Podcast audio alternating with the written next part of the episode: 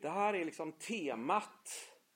Eh, och förresten, det är ju faktiskt så här att jag har eh, blad, och jag ska försöka ha det till varje gång, jag kan inte lova det. Men jag har blad med alla rubriker eh, med de viktigaste, liksom någon strof under varje rubrik. Där det finns samtalsfrågor, där ni, det finns också utrymme så att ni kan göra små anteckningar och sådär. Ehm, eh, så eh, jag kan inte lova att jag håller ambitionsnivån så högt alla gånger, men förhoppningsvis så ska ni ha liksom en liten, eh, liten kursmaterial när terminen är över. Oops. Jo, varsågod. Eh, Nu gör vi så här att, att jag hade bara tryckt, jag, hade, jag var inte så, hade inte så, så stark eh, ni kan leva. Så. Nu är det så.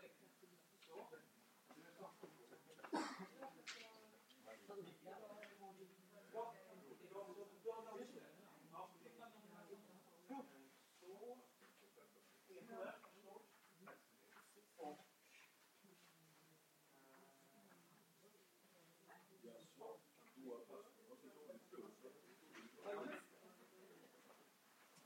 Ja. Då vet jag att jag får trycka upp några fler till nästa gång.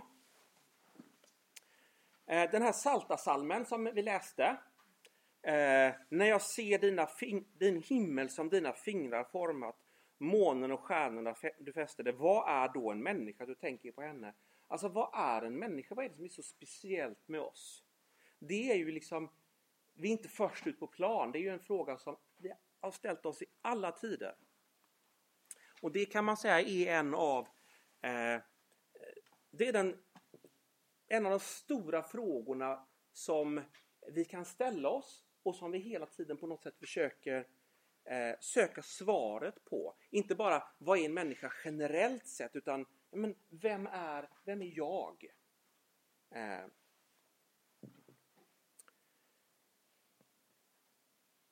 har ni sett dessa filmerna med Jason Bourne? Mm. Då är det ju så att, ni som inte har sett dem, men han eh, hamnar i någon form av drunkningsolycka. Eh, en olycka, han fiskas upp i havet i en fiskebåt. Han har tappat minnet. Eh, och han vet inte från början att han är en hemlig agent. Eh, och eftersom att han inte har något minne så vet han inte vem han är. Och då blir världen helt kaotisk för honom. Och ni känner säkert igen den här tematiken från många filmer som spinner på det här. Jag har inget minne, jag minns inte vem jag är. Och när jag inte vet vem jag är så vet jag inte heller hur jag ska navigera i tillvaron. Eh, så att hela vårt liv är ju på ett sätt ett letande efter vår identitet. För att vi ska kunna hantera, navigera, förstå oss själva och livet. Och det här ska, dessa första gångerna så ska det handla till stor del om det. Vem är jag? Men också hur blir jag mig själv? Hur hittar jag min identitet? Vem jag är?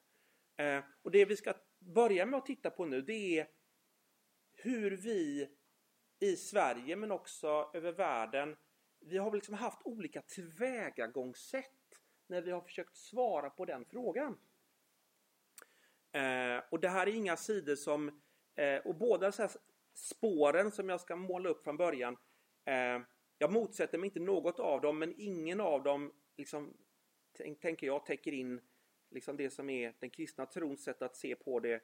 Eh, utan den lånar lite grann från båda. Men det finns i, vår, i vår kultur, jag tror ni kommer strax fatta.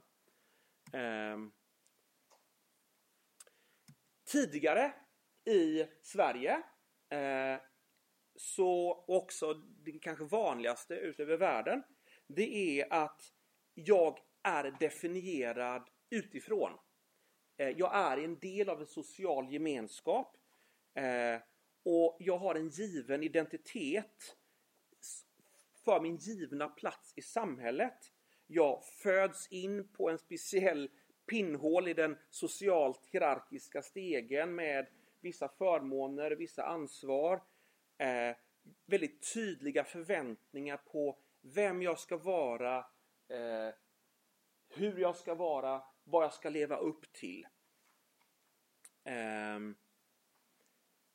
våra namn säger ju en del om hur vi tidigare ofta har byggt vår identitet. Alla de här sonnamnen. Svensson, Svensson. Andersson, Anders son. Alltså vem är jag? Jo men jag är Anders son. Alltså jag är den som är barn till. Eller doktorskan. Ja, vem är jag? Jo, jag är den som är gift med han som är läkare på platsen. Eh, så. Och det kan vi skratta åt idag, men så har man tänkt. Eh, och det är en fråga vi kan eh, ställa oss. Eh, kan vi känna igen det sättet att, att liksom hitta sig själv eller förstå vem jag är?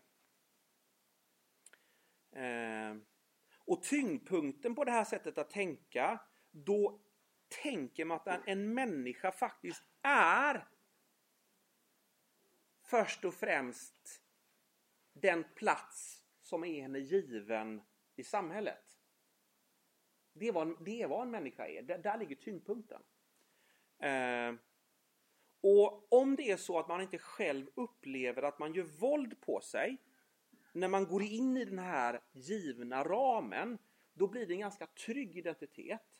Därför den är ju någon, det är någonting som ligger, den ligger ju där utanför mig. Alla andra bekräftar ju vem jag, vem jag är. Och det är något ganska statiskt och fast. Är ni med på det?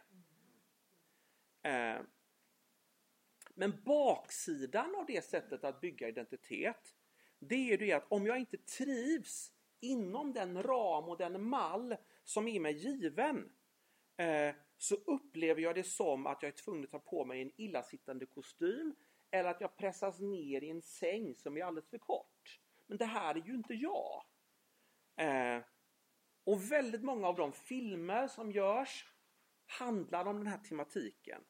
Eh, människor som är fast i en familj eller en by där man är begränsade av eh, som stereotypiska bilder som jag ska leva upp till. Och ofta så är ju dramaturgin sådan i dessa filmerna att jag blir fri när jag lämnar den här trånga ramen, kanske flyttar till storstaden och får vara mer sann mot vem jag själv upplevde att jag är. Känner ni igen det här? Mm. Eh, baksidan är att andra får makten över mig och jag det krockar med vem jag på min insida upplever att jag är. Eh, det var baksidan. Eh, nästa sätt som är mer det sättet som det som vi ligger närmare idag. Det är att jag, är, jag ska hitta mig själv utifrån min egen inre kärna. Frihet är att liksom hitta vem jag är innerst inne och ha modet att, att vara sann mot den här mitt inre, den som jag själv upplever att jag är. Eh, betoningen ligger på att jag oberoende av andra ska finna mitt eget inre unika jag. Känner ni igen det här? Mm. Eh, och det är inte så att i det äldre paradigmet att det här inte att det saknades helt. Det har funnits med men tyngdpunkten har inte legat där.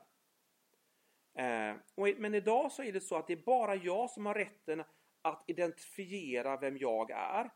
Eh,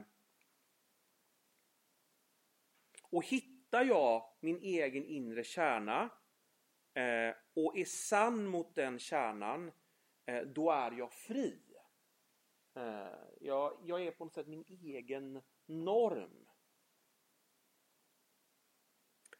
Baksidan av, eh, av det här är ju att eh, människan är inte som en avokado med en tydligt avgränsad kärna eh, som vi liksom kan hitta där inne bara vi liksom skalar av köttfrukten. Liksom frukten utanpå. Vi är mycket mer komplexa än så. Eh, inom oss så finns det en mängd olika tankar, känslor, viljor. Och vad i allt det här ska jag lyssna till? Vad är det? Men om jag nu har en, om, om mitt, mitt inre finns här inne någonstans och jag ska vara sann mot det, men vad, mot vad ska jag vara sann mot? Eh, det är inte så lätt. Eh, och det andra är att vi kan inte lösgöra oss från andras omdömen utan att bli hårda och kalla. Om jag inte ska vara beroende av andra människors tankar om mig så måste jag så att säga sätta upp en mur mot andra människors liksom, omdömen om mig. Jag måste liksom hela tiden sätta upp någonting. Vilket gör att jag kan kapsla in mig i mig själv. Eh, om inte andra människors omdömen om mig påverkar mig så blir jag också okänslig för andra människor. Eh,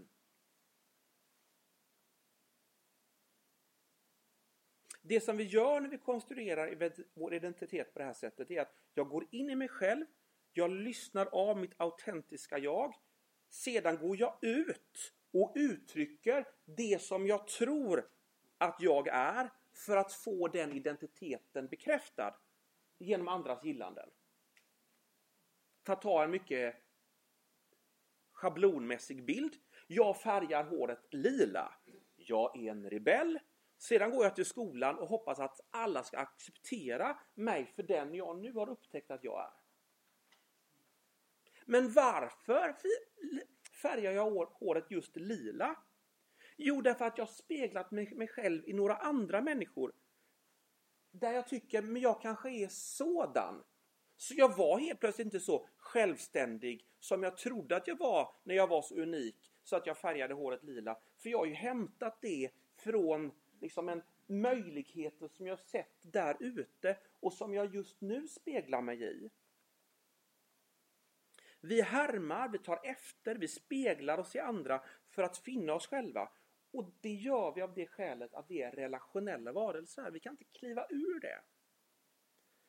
Eh, och därför så kan vi inte heller lösgöra oss från andra människors omdömen. Just av det skälet därför att vi hungrar efter att bli älskade för dem vi är.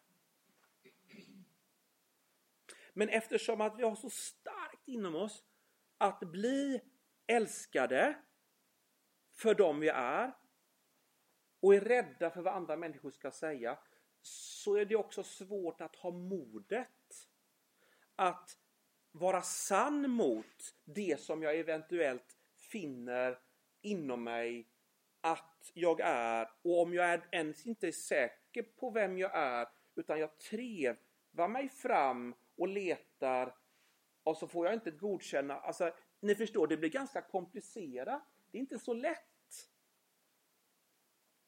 Fördelen med det här sättet att forma sin identitet är ju att jag inte försöker tvinga mig in i en ram som jag liksom bara känner, men det här är ju inte jag. Eh, det finns ett, en sida av att man vill vara ärlig och lyssnande till sig själv. Eh,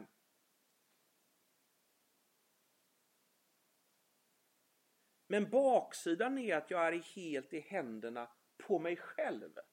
Eh, det finns liksom inget skript jag kan följa.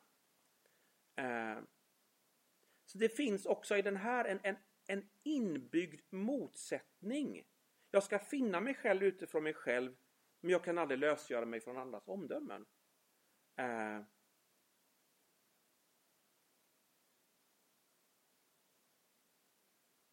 Och sen är det också så att den identitet som jag tycker att jag är på insidan och som jag sedan visar utåt kan ju många gånger behandlas väldigt omilt av människor runt omkring mig. Så vi har på något sätt ett dilemma. Det är det jag vill visa. Vi har ett dilemma i båda dessa här två sätten. Är ni med på det? Eh, eh, vårt dilemma kan beskrivas eh, som att vi antingen definieras utifrån, vilket kan tvinga oss in i en säng som är alldeles för kort. Eller så ska jag leva med osäkerheten som det är att behöva hitta mig själv i mitt eget inre, bara utifrån mig själv. Och leva i den motsättningen att jag ändå inte står fri i förhållande till den bekräftelse som jag eventuellt får eller inte får när jag visar för världen vem jag tycker mig själv har funnit att jag är på min insida. Um,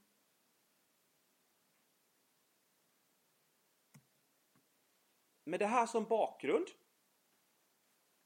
eh, så tänkte jag säga några ord, börja inledningen på vad säger den kristna tron om vilka vi är och hur vi hittar oss själva? Och som ni kommer se så finns båda dessa spåren med. Men det kommer ta ett tag innan hur vi ser liksom lösningen liksom så. Eh, och det hinner vi inte idag utan det blir kanske nästa gång eller nästnästa gång. Det är liksom, ja, det är lite olika steg man är tvungen att ta innan dess. Men vi ska börja med eh, skapelseberättelsen. Eh, där finns någon form av grund. Det här är från första Mosebokens första kapitel. Gud sa Vi ska göra människor som är vår avbild, lika oss.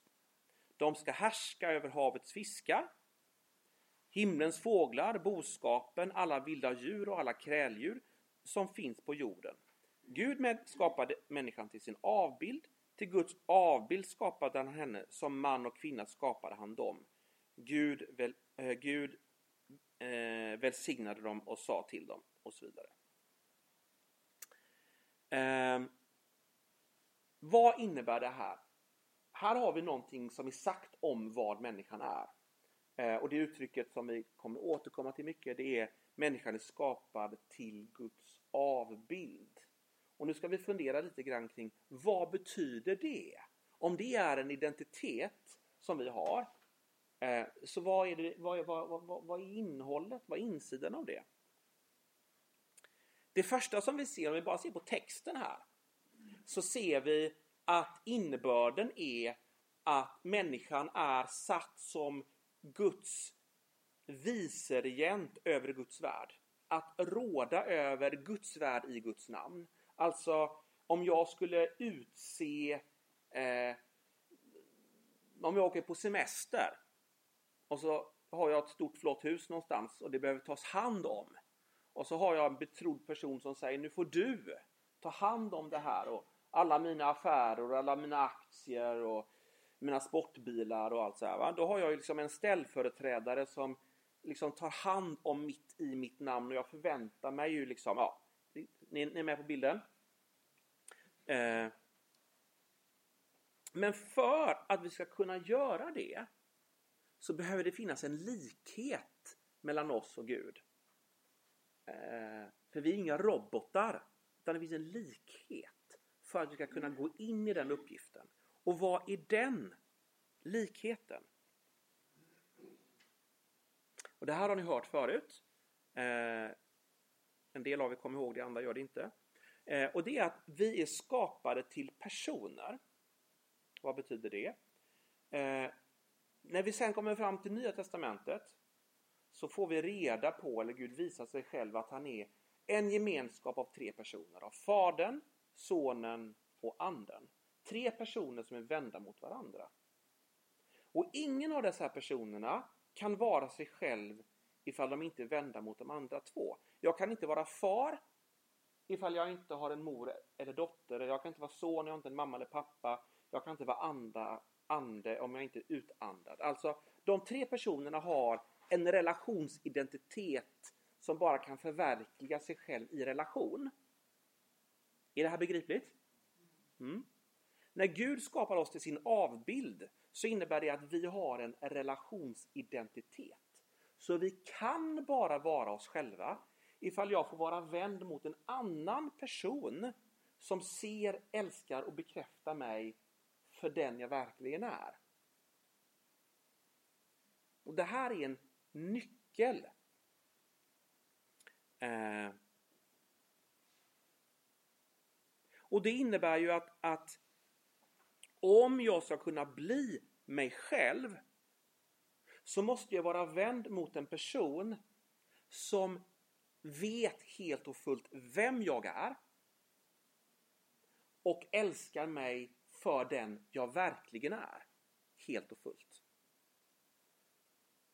Och det finns ingen annan än Gud som vet vem vi är i alla våra skikt, alla våra lager, hela vår person. Som kan se hela oss och därmed älska oss för dem som vi är, inte utifrån den korta sängen utan för de som vi verkligen är. Va? Eh. Och det är egentligen det som vi så att säga, till stor del av den här våren kommer att handla om. Hur lever jag i och växer i, speglar mig i den här relationen? Och vi kommer närma oss det på tusen olika sätt. Eh. Människan är också man kan säga att hon är ett embryo, ett frö. Eh, och det jag har sagt med det, det är att allting som är vi finns på ett sätt nedlagt i oss. Så som en DNA-sträng är nedlagt i ett embryo eller i ett, eller i ett, i ett, i ett sädeskorn. Men för att sädeskornet ska vara sant mot sin djupaste identitet så måste det ner i jorden och det måste växa och det måste bära frukt. I annat fall så är det ju inte ett frö. Är ni med på det? Så det finns inbyggt i vår identitet att vi också ska växa, mogna, utvecklas och bära frukt. Bara genom växande är vi sanna mot dem vi är. Eh, men vad innebär det växandet? Ja, det kommer vi prata mer om. Men Jag vill ändå ha med det för det är inget statiskt att vara människa. Eh, och det är också naturligtvis därför som ni är här. Vi, vi har en längtan att röra oss framåt. Eh,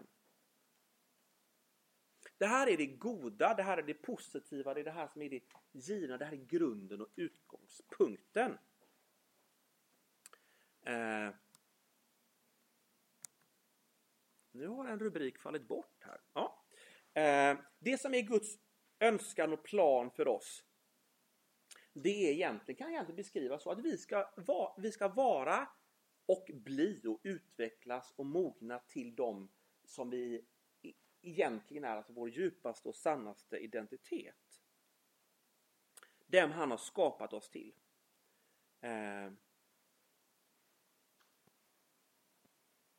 Och eftersom att Gud har skapat oss till sin avbild, han vet vilka vi är, så är också vägen till oss själva samtidigt en väg inför Guds ansikte. Är ni med på den kopplingen? Och man kan säga det här är målet för livet. Att lära känna Gud och därmed bli de vi är i hans blick. Så skulle man kunna sammanfatta hela syftet med varför vi existerar. Man kan naturligtvis sammanfatta det på andra sätt men det täcker på ett sätt in det mesta. Eh.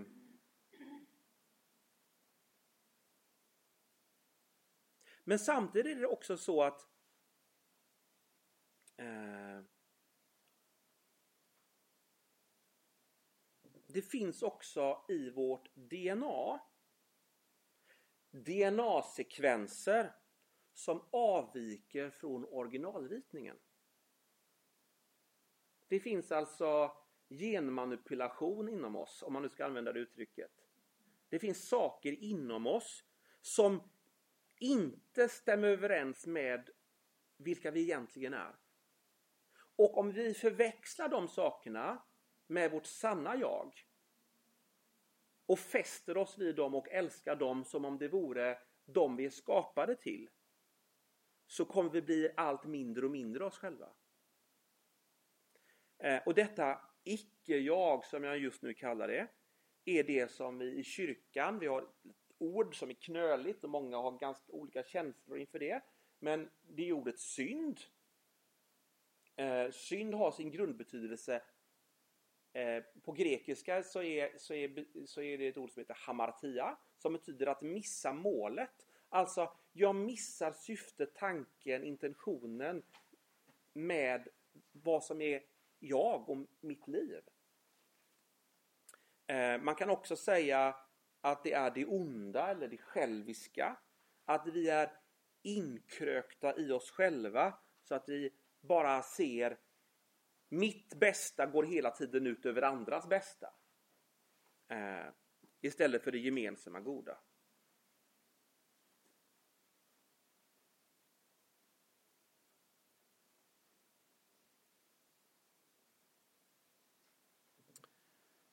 Eh, så att människan är som vi säger i kyrkan vi säger att människan är ett uttryck som finns. Det kan vara bra att lära sig lite kristna uttryck sådär ibland. Eh, vi säger att människan är skapad i Guds avbild men hon är fallen. Det har hänt något eh, med oss som är trasigt, tragiskt. Eh, så.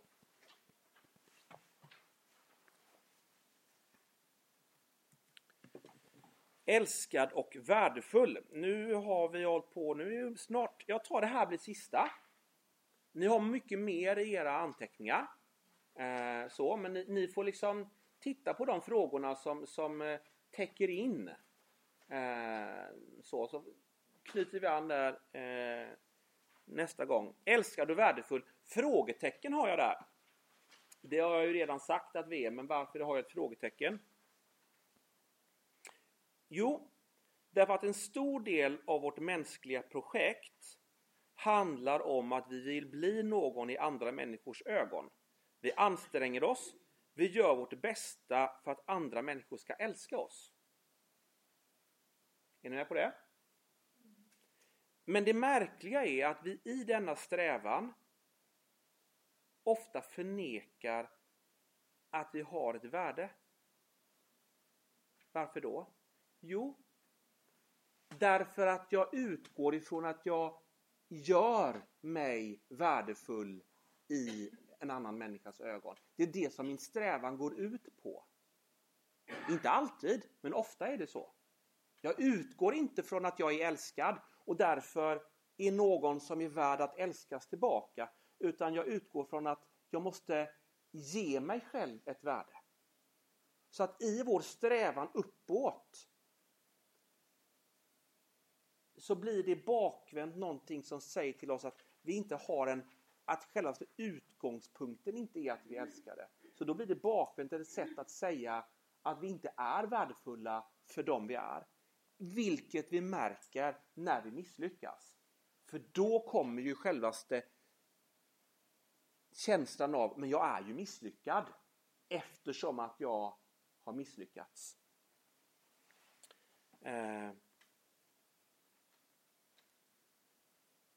Och varför är det på detta sätt? Det här är det sista jag ska säga. Varför är det så att vi känner oss värdelösa eller misslyckade när vi misslyckas?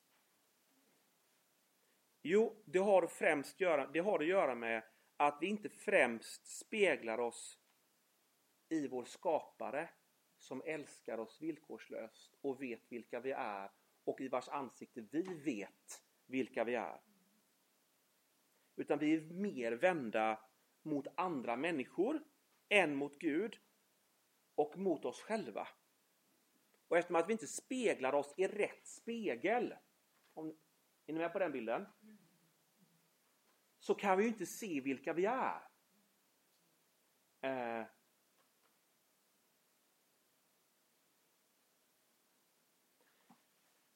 där tror jag att jag stannar eh, för dagen. Eh, jag hann med ungefär eh, hälften vad jag trodde jag skulle hinna med idag. Eh, men då behöver jag inte förbereda någonting till nästa gång. Det var ju bra. Så att eh, vi slutar där.